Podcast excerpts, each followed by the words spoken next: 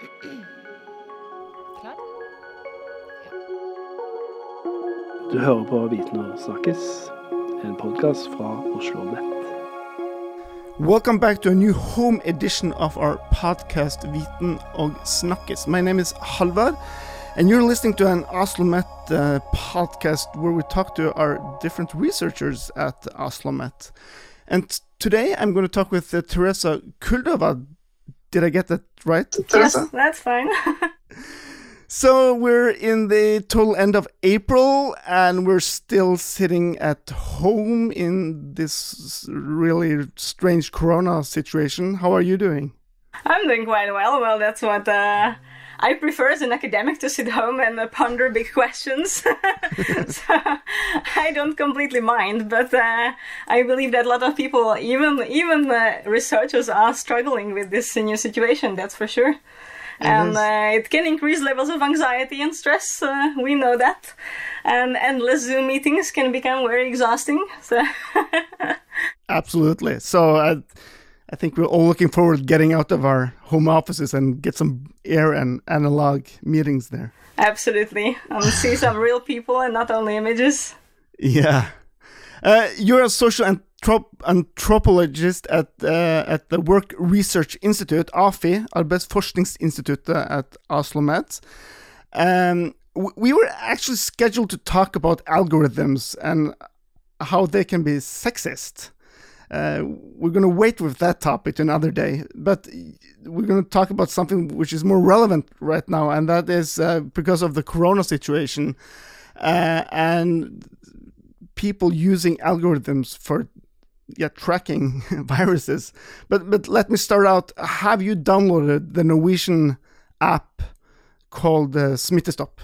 No, I haven't, and uh, I would probably be considered a bad citizen for uh, not doing that, even though I'm not a really Norwegian citizen, so I guess it's fine. No, and I think this is this is already a part of the problem that uh, that if you resist on whatever kind of grounds these the, this type of technology, then uh, then it is already overlaid with a certain moral and normative uh, argumentation, right? Uh, why do you resist it? Do you have something to hide?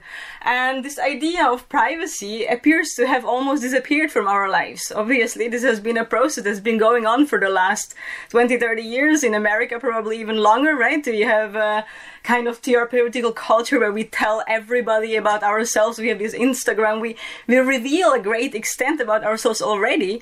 So in that context, it becomes not no longer understandable why people want to have a private life, uh, and and so so this is the this is the first interesting question. Another interesting question is of course what this kind of surveillance does to a society, because I think no technology is neutral, right? There is no technology that is neutral, no matter how many times we can hear the argument that data are objective or neutral. This is simply not the case.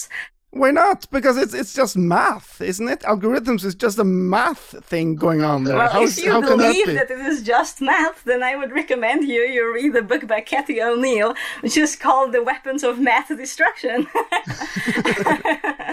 um, uh, I mean, it is not simply math because uh, if you look at what what is data, and I think that any social scientist would immediately disagree. This is not a revolutionary argument in any sense.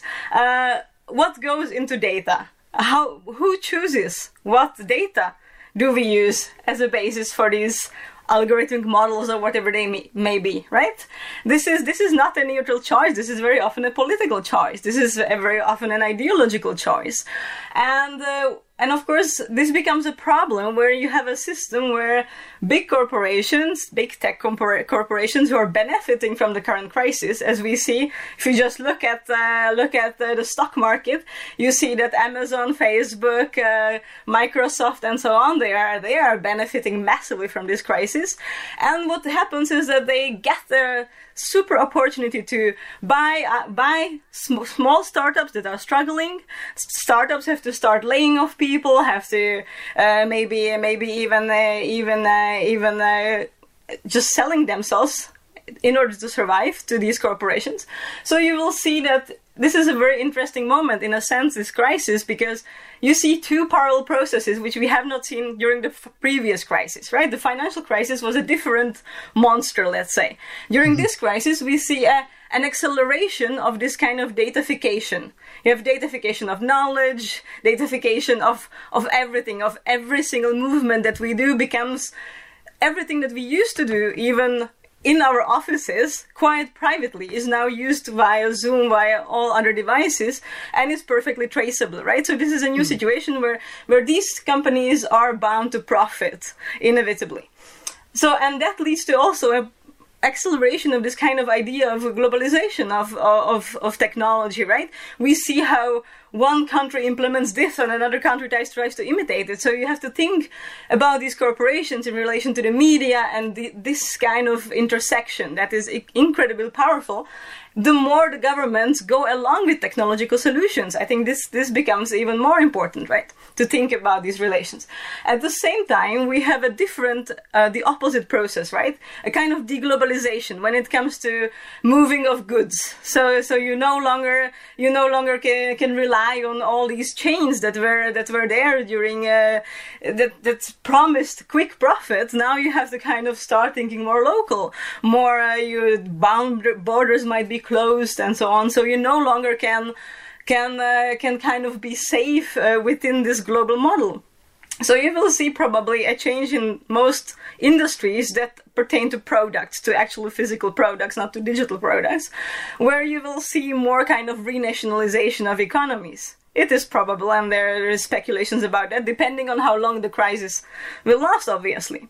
And and this this uh, this this these two processes are in a sense very interesting because with with the with the with the kind of increased control over the movement of the population uh, and the increased data control, you're getting a kind of a new society of control, I would say, or a new mm. society of surveillance, where surveillance becomes normalized in a certain sense.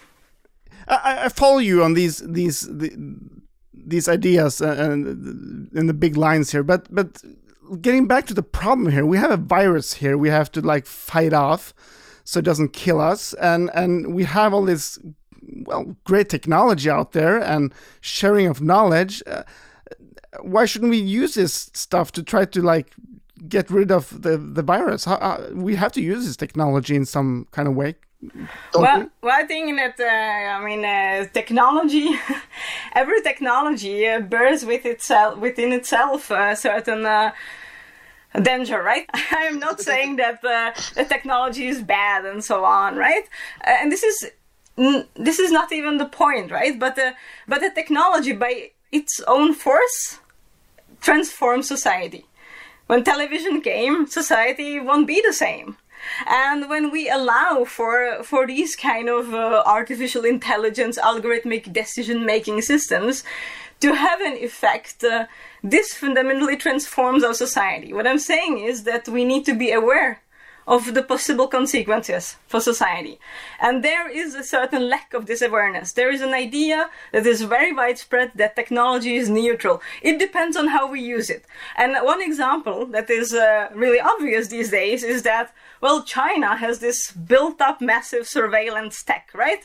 I mean, the technology is exactly the same. There is one really nice article, I can't remember the others now, but that compares the technology that China has at its disposal with the technology at the disposal in liberal, liberal Western democracies. And you can argue that it is more or less regulated here as opposed to China, but the technology is exactly the same, right?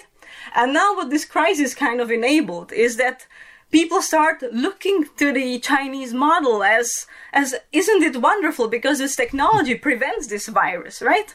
And and so we start using that technology. And I mean there are these arguments out there that say like, well, Norway using this kind of uh, technology is legitimizing the Chinese use of technology and the surveillance, right?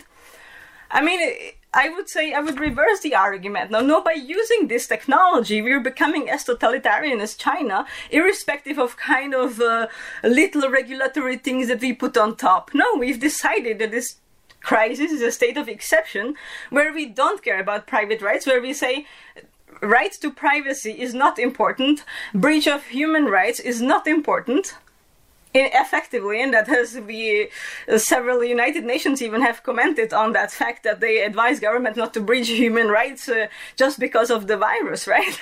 mm. So this is this is nothing new, and I think that in this sense, uh, I, I must say that uh, it, it, would be worth remembering uh, some of the first thinkers that were critical to these kind of developments in a social theory. And I have a suggestion for people to read, um, which I discovered actually quite recently, I must admit. But that is uh, Günther Anders. I don't know if you are familiar with him, but no. he was the husband of Hannah Arendt, who is far more famous, uh, I believe. and he uh, he has written mostly in uh, in German, and uh, but he's also some of the things that he wrote were translated.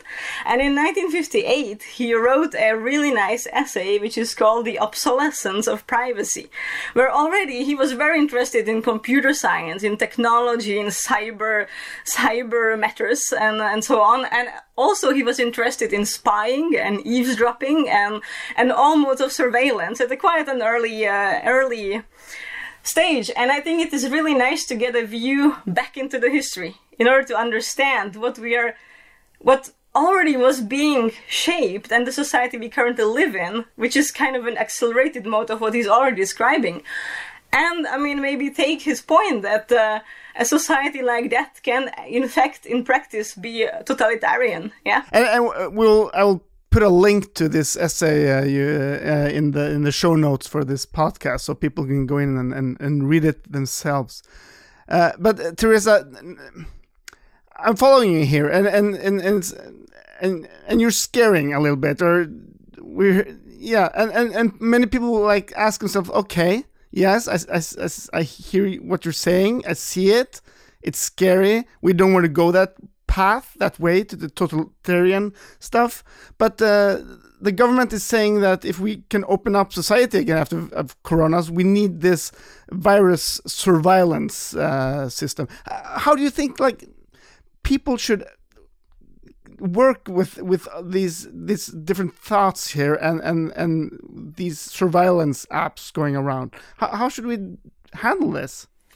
Well, I'm thinking like obviously there are people who would say that oh you're already on Google and you're already on Facebook like what are you complaining about you're already giving up so much of your data so this kind of fight is meaningless so let's just give up and uh, give it to the state and so on. Now there is a slight problem I would say that uh, I mean the state if it has any function in my view uh, it has the function to control things that are beyond our control right? The, the, very things that are beyond the control of the individual and that have to be controlled on a collective basis, this is the political role of the state. Now, the problem comes, uh, of course, you could argue that in the state of exception, this is precisely the sovereign position that this is what the state has been doing, right? So it tries to do that. Uh, but now the problem comes, I mean, part of the state's role is to also protect us precisely from these kind of intrusions. This is the role of the state. To not break those regulations to to break privacy rights and and so on. And and the way the Datatilsynet is uh, saying that uh, that you know now it's a state of exception so it's fine to collect this data. I think this is precisely the, the state of exception where you should say no we have to implement things that actually work. What I mean is, you know, of course, this kind of social distancing, if you don't come close to a person, then I don't need an app for for telling me that. Yeah, simple as that. Uh, but uh, but of course, another problem is that part of the state's role would be precisely to control these kind of technologies and this kind of ideology that comes with Silicon Valley, I would say. Even if it is developed by a local company, it doesn't matter. It is the same kind of solutionist logic, like what uh, Evgeny Morozov calls uh, solutionism, right? This uh, this idea that uh, that you know by developing a certain app you can solve the world's problems, right? Uh, I think it, this idea is seriously flawed, and when when the government appropriates this kind of technocratic uh, solutionism, then we have a problem because then we have then we have no solutions.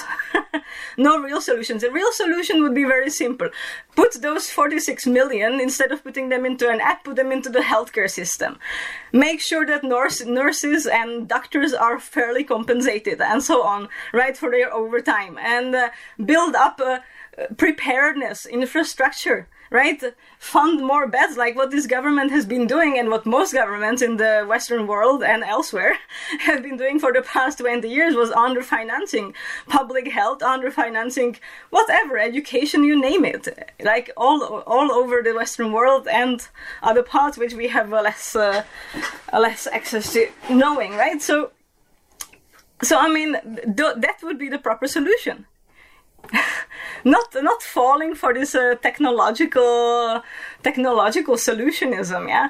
And uh, i mean uh, it, it is kind of uh, absurd to also think that uh, that, that this app will uh, will solve anything yeah? And then to position it as you know it, it is really a blackmail situation yeah? This is how blackmail operates. Either you install it and many people install it or we face economic consequences. I mean you can't fall for blackmail. I mean, you must challenge the logic of blackmail by principle. I would say there's another another element, right? Uh, I mean, there, there, there's, there are different forms of critique when it comes to this kind of apps, and and you can see it. Uh, actually across the across the across the globe where okay there might be a few privacy uh, rights lawyers that would argue you know uh, okay the privacy is not good uh, when? Uh, when the state collects the information and it is somewhere in Ireland and it is centrally collected but if it is on your little device and so on then it's fine right? So so basically that argument very often stops there. Uh, another group would say like well we don't really know if the technology will function very well well because if too few people install it, then it won't really work. But then, you know, there's other obvious questions like, okay, so it says two meters for 15 minutes. Miraculous formula. Whoa, a perfect algorithm. What about like 1.9 meter over 14 minutes? Like, but but this is kind of this kind of an okay there's a wall between you maybe you're one floor above and one floor below and uh, we don't know if it really works or not and then we are told well you still have to wash your hands because you know uh, the app won't actually you know solve that problem because I mean uh, you can get the virus by touching things, uh, not only by sitting next to a person. And I mean, and, I mean, what is this arbitrary kind of uh, uh, solution, right? I mean, if somebody sneezes right at me and it takes only one second, I might as well get the virus. I mean, the app won't account for that, right? And I won't probably be able to trace the person in any kind of sense.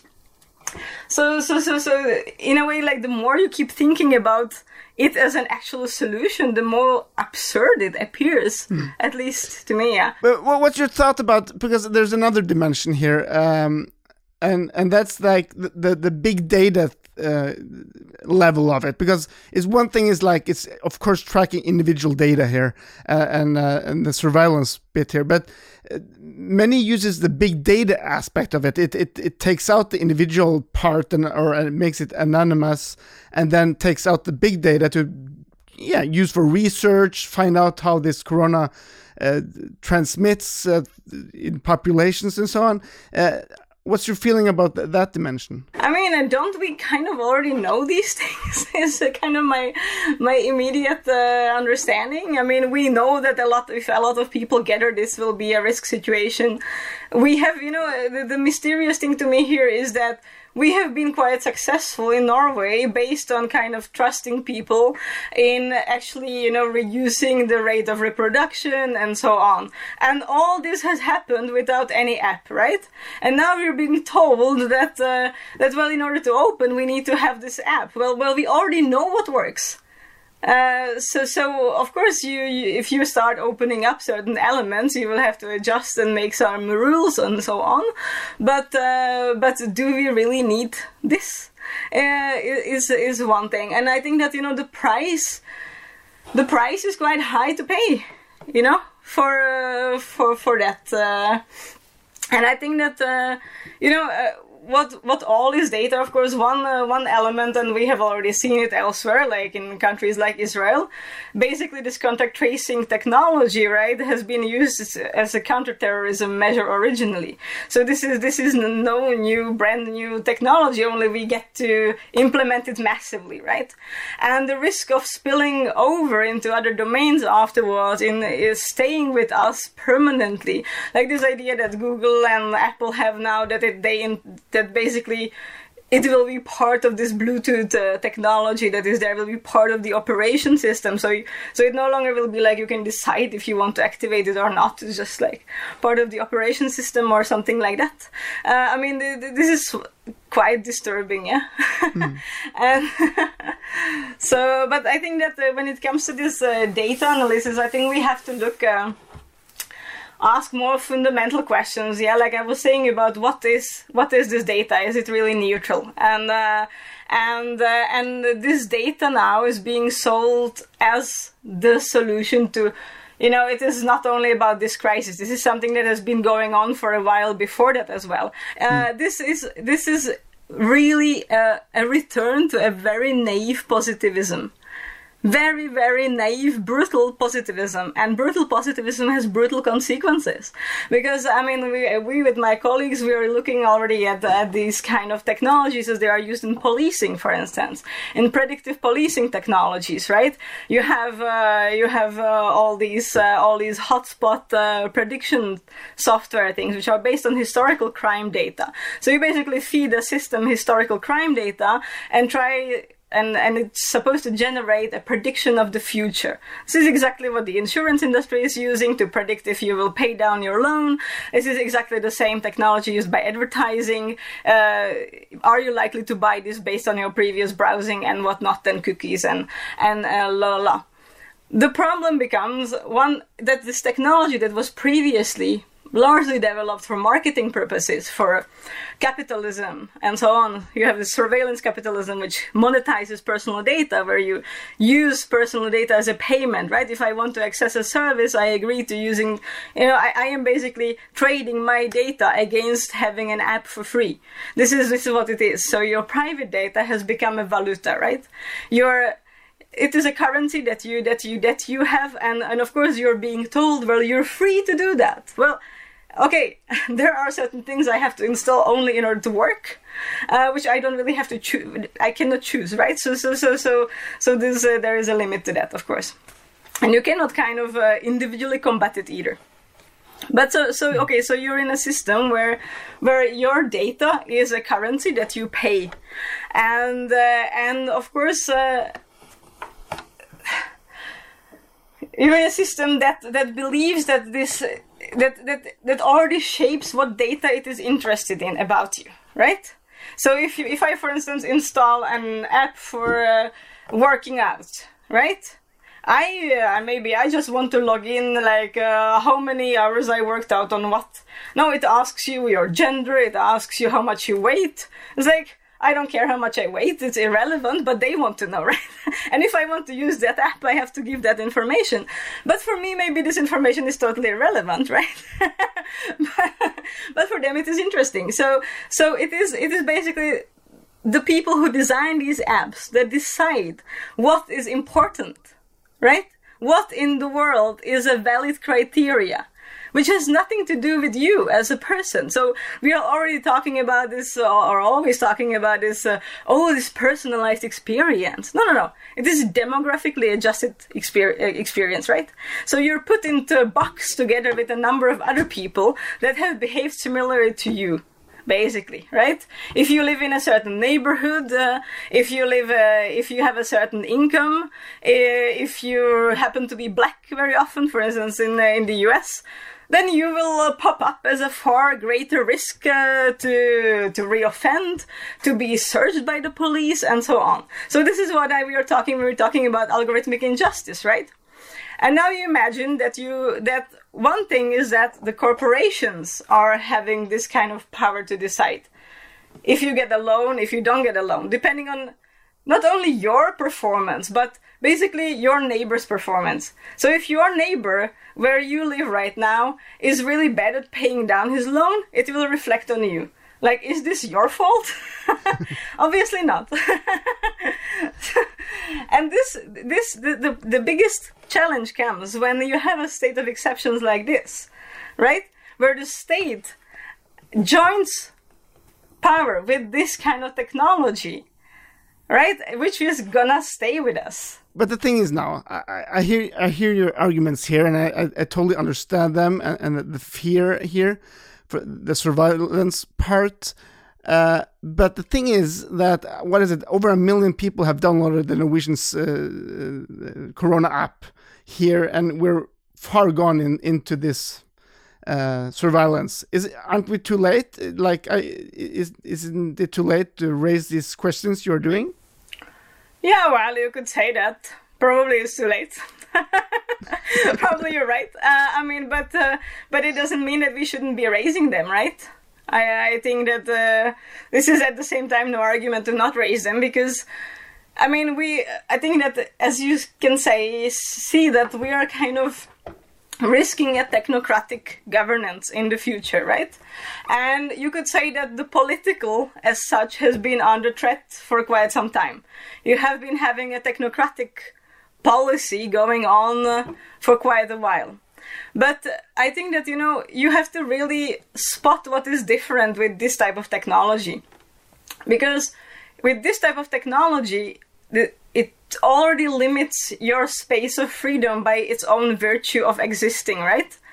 And it already shapes your behavior. It is the same way that you can see it when when you're when you're in a physical meeting versus when you're in a Zoom meeting. When you see yourself, you don't really behave like yourself. Like I can't recognize myself, but right. So so so there there there is a, an effect to that.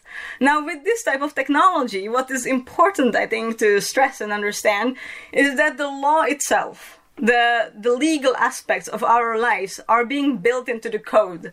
So in the future, you will maybe have a self-driving Tesla right? And this is already the thing uh, happening and being developed, of course. Uh, and that Tesla won't drive more than the legal limit. so, so you're, you're prevented even from the smallest of transgressions, like driving five uh, kilometers per hour over, you know? And what does this mean in, in practical terms? For humanity basically. Like you know maybe you can say that in the future you will have an apple wallet that will automatically pay your train ticket when you enter the train so, so, so, so you know, of course, a great challenge to the public uh, system is uh, solved by this technology.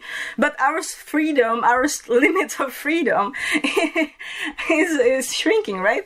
Our space mm. of freedom is shrinking, and I mean, this this is obviously dangerous. And why is it dangerous? Because I think we're risking losing any kind of uh, feeling of sovereignty in uh, in everyday life. Tereza, thank you very much for sharing these thoughts and it's and the important questions and helping us be aware of um, yeah the function of technology uh, today and especially in these critical times uh, here. Um, as I said, I, I will uh, in the show notes link up to uh, what you have written and and and other uh, relevant links here, so people interested in in this topic here can uh, go there and and read more. And I'll also put up your contact information so they can get in touch with you, uh, Tereza, if they have Thanks. more thoughts there. um, so, uh, yeah, thank you very much.